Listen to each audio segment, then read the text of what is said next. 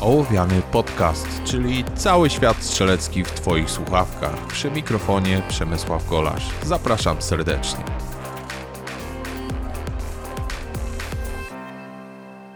Cześć, witajcie w 26 odcinku Ołowianego. Dzisiaj pomówimy sobie na temat technik strzelania jedną ręką i to strzelania dynamicznego, które zupełnie różni się od takiej typowo sportowej postawy, kiedy pistolet trzymamy w jednej ręce. Jak już wielokrotnie wspominałem, m.in. we wprowadzeniu do strzelectwa bojowego, strzelanie jedną ręką jest bardzo ważne i to nie tylko ręką silną, ale także ręką słabą. Minusem jest to, że umiejętności, które w ten sposób wypracujemy, w żaden sposób nie przekładają się na umiejętność strzelania oburącz, nie polepszają tych umiejętności. Natomiast na pewno zwiększa się świadomość właściwej pracy na języku spustowym, ponieważ jedna ręka nie wybacza. Kiedy nie mamy tego wsparcia drugiej ręki, znacznie mniejsze błędy możemy popełnić na języku spustowym, jeżeli chcemy zachować właściwą celność. Jeżeli weźmiemy teraz pod uwagę takie typowe techniki strzelania jedną ręką, problemy są trzy. Pierwszym problemem jest sama praca, same ułożenie ręki i właściwa kontrola odrzutu. Jeżeli jesteśmy przyzwyczajeni do strzelania oburącz, wtedy ten odrzut jest zupełnie inaczej tłumiony niż w wypadku, kiedy strzelamy jedną ręką. Przy strzelaniu oburącz mówimy o tym, aby łokcie znajdowały się na zewnątrz i tworzyły taki duży amortyzator, który pomaga nam przenieść siłę odrzutu właśnie na te łokcie i dzięki temu nie jest ona tłumiona bezpośrednio na naszym korpusie, kiedy te łokcie byśmy maksymalnie wyprostowali. I dzięki temu mamy znacznie mniejszą siłę, która działa na korpus i próbuje nas wytrącić z równowagi. Dzięki temu możemy strzelać bardzo szybko.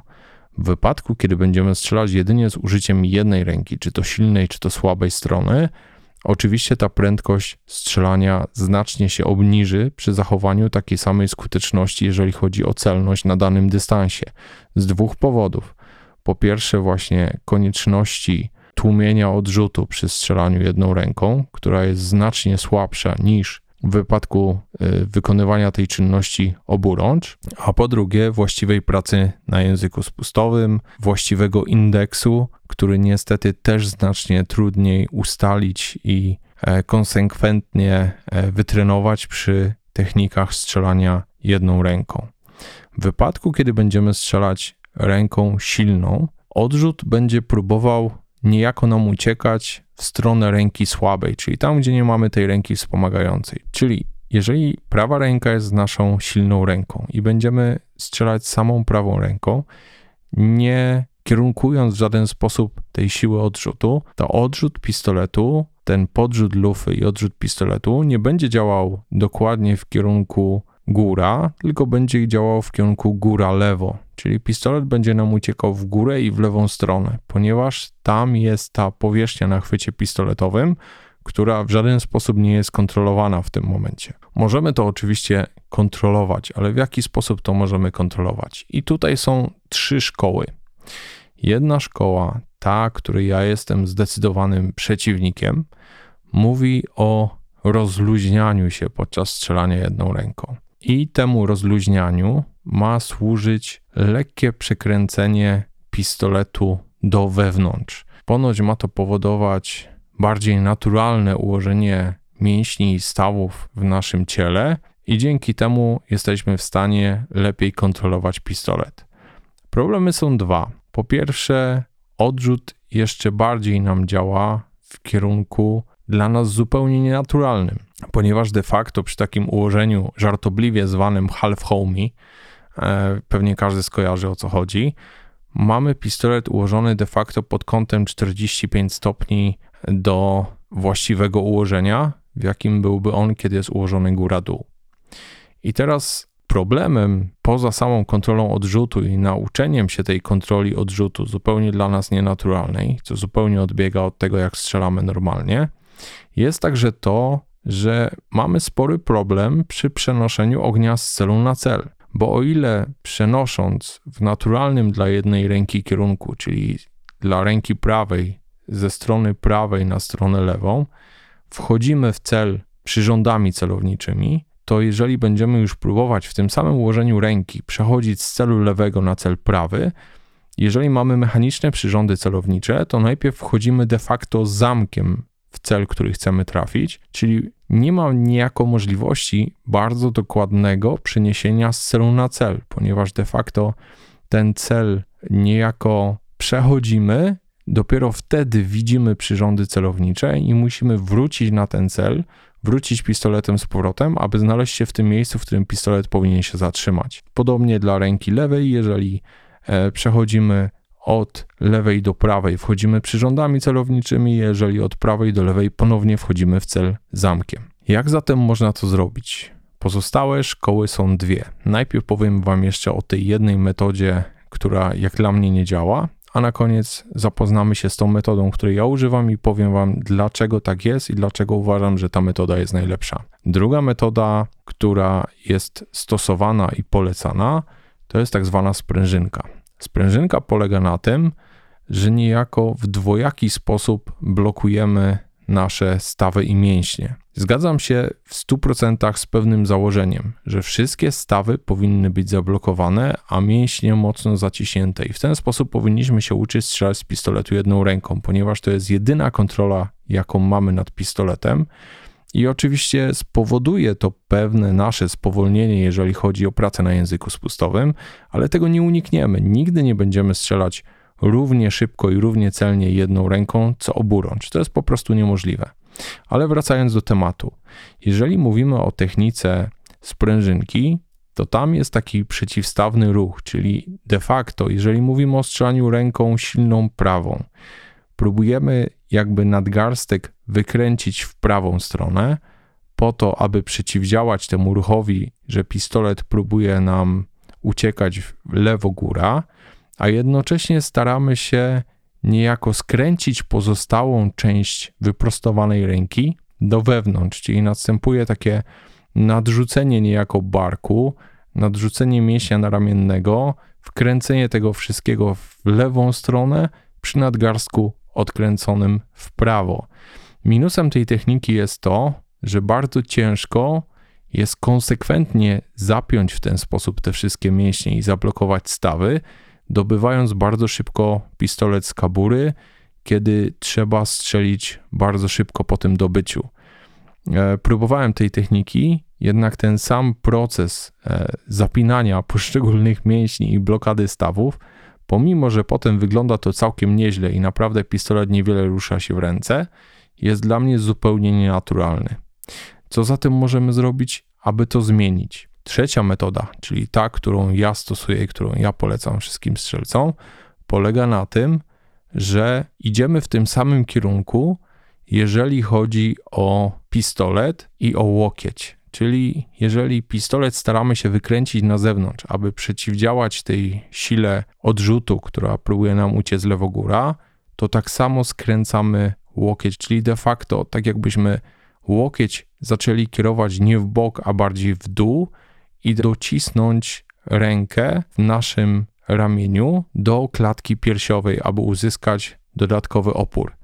Jest to dla mnie jak najbardziej znacznie naturalniejsze od poprzedniej metody i znacznie szybsze i łatwiejsze do ustalenia. Minusem jest to, że nie otrzymamy dokładnie takiego samego zablokowania tych stawów i mięśni jak w poprzedniej metodzie, czyli w sprężynce. Za to, co uzyskujemy, to bardzo dużą szybkość, to po pierwsze, a po drugie, w 100% naturalny ruch pistoletu w odrzucie, czyli pracuje nam on dokładnie w kierunku góra-dół. Ponieważ zablokowanie ręki w nadgarstku w tym momencie wykonujemy poprzez napięcie dolnej części mięśni przedramienia, a jedyny punkt słaby, który występuje przy tym ustawieniu, to jest łokieć, który nie zostaje całkiem wyprostowany, ale jeżeli ten łokieć teraz wykorzystamy do tego, aby pozwalać temu pistoletowi naturalnie pracować, to bardzo szybko nauczymy się w ten sposób kontrolować odrzut i pozwalać pistoletowi wracać dokładnie w punkt wyjścia, czyli w punkt celowania. Pomimo tego, że to teraz wszystko wydaje się bardzo skomplikowane, takie naprawdę nie jest. To wszystko wymaga wprawy. Jeżeli chcecie strzelać dobrze jedną ręką,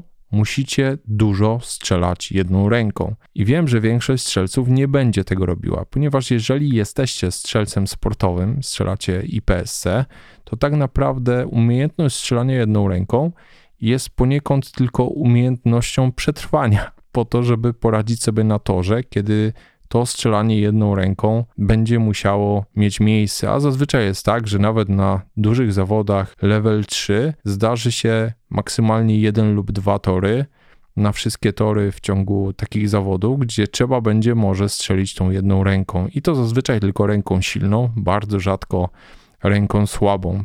W całym sezonie 2019 roku, kiedy strzelałem IPSC, jeden jedyny raz strzelałem ręką słabą na zawodach IPSC i były to zawody w dodatku level 1, czyli takie totalne zapoznanie się. Natomiast wszystkie inne rzeczy obowiązują dokładnie tak samo jak podczas strzelania oburącz. Czyli trzeba sobie po pierwsze wyrobić ten indeks, który będzie znacząco różnił się od indeksu oburącz, ponieważ tutaj tylko jedna ręka wyprowadza na cel, czyli ponownie musimy się teraz nauczyć jedną ręką wyprowadzać pistolet na cel. Ekstremalnie ważna umiejętność, jeżeli mówimy o strzelaniu pistoletem wyposażonym w celownik mikrokolimatorowy. Jeżeli nie wyrobimy sobie tej umiejętności na sucho, to będziemy mieli bardzo ciężki czas, kiedy będziemy próbować zrobić to już normalnie na strzelnicy. Będziemy po prostu szukać tej kropki, wędkować tym pistoletem, żeby tą kropkę w oknie znaleźć. Kolejna rzecz to jest ponowne nauczenie się łapania w odrzucie luzu na języku spustowym i wybierania do ściany. Jeżeli mówimy o strzelaniu jedną ręką, to tutaj znacznie mocniej zaciskamy rękę strzelającą na pistolecie, więc tym bardziej jest trudno rozluźnić tak palec na języku spustowym, aby po odpuszczeniu i ponownym wybraniu luzu do ściany nie padł przypadkowy strzał, tylko żeby był to strzał kontrolowany dopiero wtedy, kiedy przyrządy znajdą się z powrotem na celu, kiedy kropka znajdzie się z powrotem na celu. To wszystko trzeba ćwiczyć. Trzeba ćwiczyć także umiejętność przekładania pistoletu z ręki do ręki.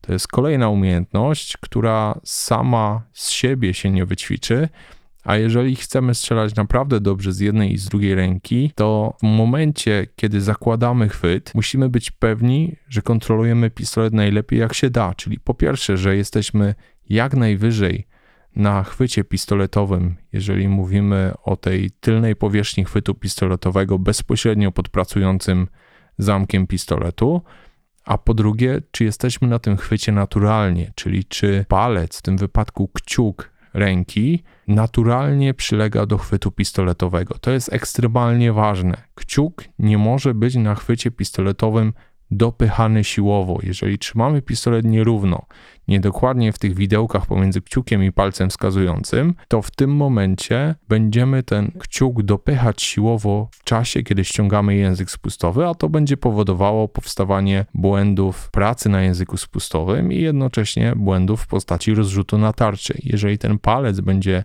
leżał w pełni naturalnie i de facto będzie nam go poniekąd ciężko odciągnąć od tego e, szkieletu pistoletu pod zamkiem, to znaczy, że jest on właściwie ułożony i w momencie, kiedy nastąpi te odkręcenie pistoletu przeciwko tej sile odrzutu, która będzie próbowała kierować ten pistolet w bok, w górę, a nie tylko czysto w górę, nie będziemy powodować żadnej dodatkowej siły, która działa na e, szkielet pistoletu, czyli nie będziemy zakłócać pracy na języku spustowym. Nie jestem zwolennikiem tego, aby zmieniać sposób pracy na języku spustowym. Wiem, że niektórzy strzelcy mają takie teorie, że w momencie, kiedy strzelają oburącz, strzelają pierwszym opuszkiem palca wskazującego, natomiast kiedy strzelają jedną ręką, wkładają palec głębiej na język spustowy, więcej palca wkładają do kabunka. Moim zdaniem jest to błąd, ponieważ jeżeli uczymy się właściwej pracy na języku spustowym, to powinniśmy się jej uczyć od początku do końca konsekwentnie tak samo, ponieważ właściwie nic się nie zmienia pomiędzy strzelaniem oburącz i jedną ręką. Kolejną rzeczą jest zmiana ustawienia stóp. O ile ma to znaczenie w wypadku karabinka, to w wypadku pistoletu dla mnie nie ma to najmniejszego znaczenia. Chyba, że mówimy o strzelaniu za zasłony, ale to już jest osobny temat, więc porozmawiamy o tym przy innej okazji. Jeżeli trenujecie to strzelanie jedną ręką, trenujcie je od początku realistycznie, tak samo jak robicie oburącz, czyli nie ograniczajcie się do jakichś minimalistycznych dystansów typu 5-7 metrów, tylko od początku strzelajcie jedną ręką, tak samo jak oburącz, na dystansie do przynajmniej 15 metrów, a najlepiej 25 metrów. Tak naprawdę te granice, które sobie stawiacie, stawiacie sobie je jedynie we własnej głowie, ponieważ te granice trzeba przełamywać, je można przełamywać i można skutecznie strzelać pistoletem, nawet samą słabą ręką, nawet na dystansie 20-25 metrów. Dzięki bardzo za uwagę i do usłyszenia w kolejnym odcinku Ołowianego.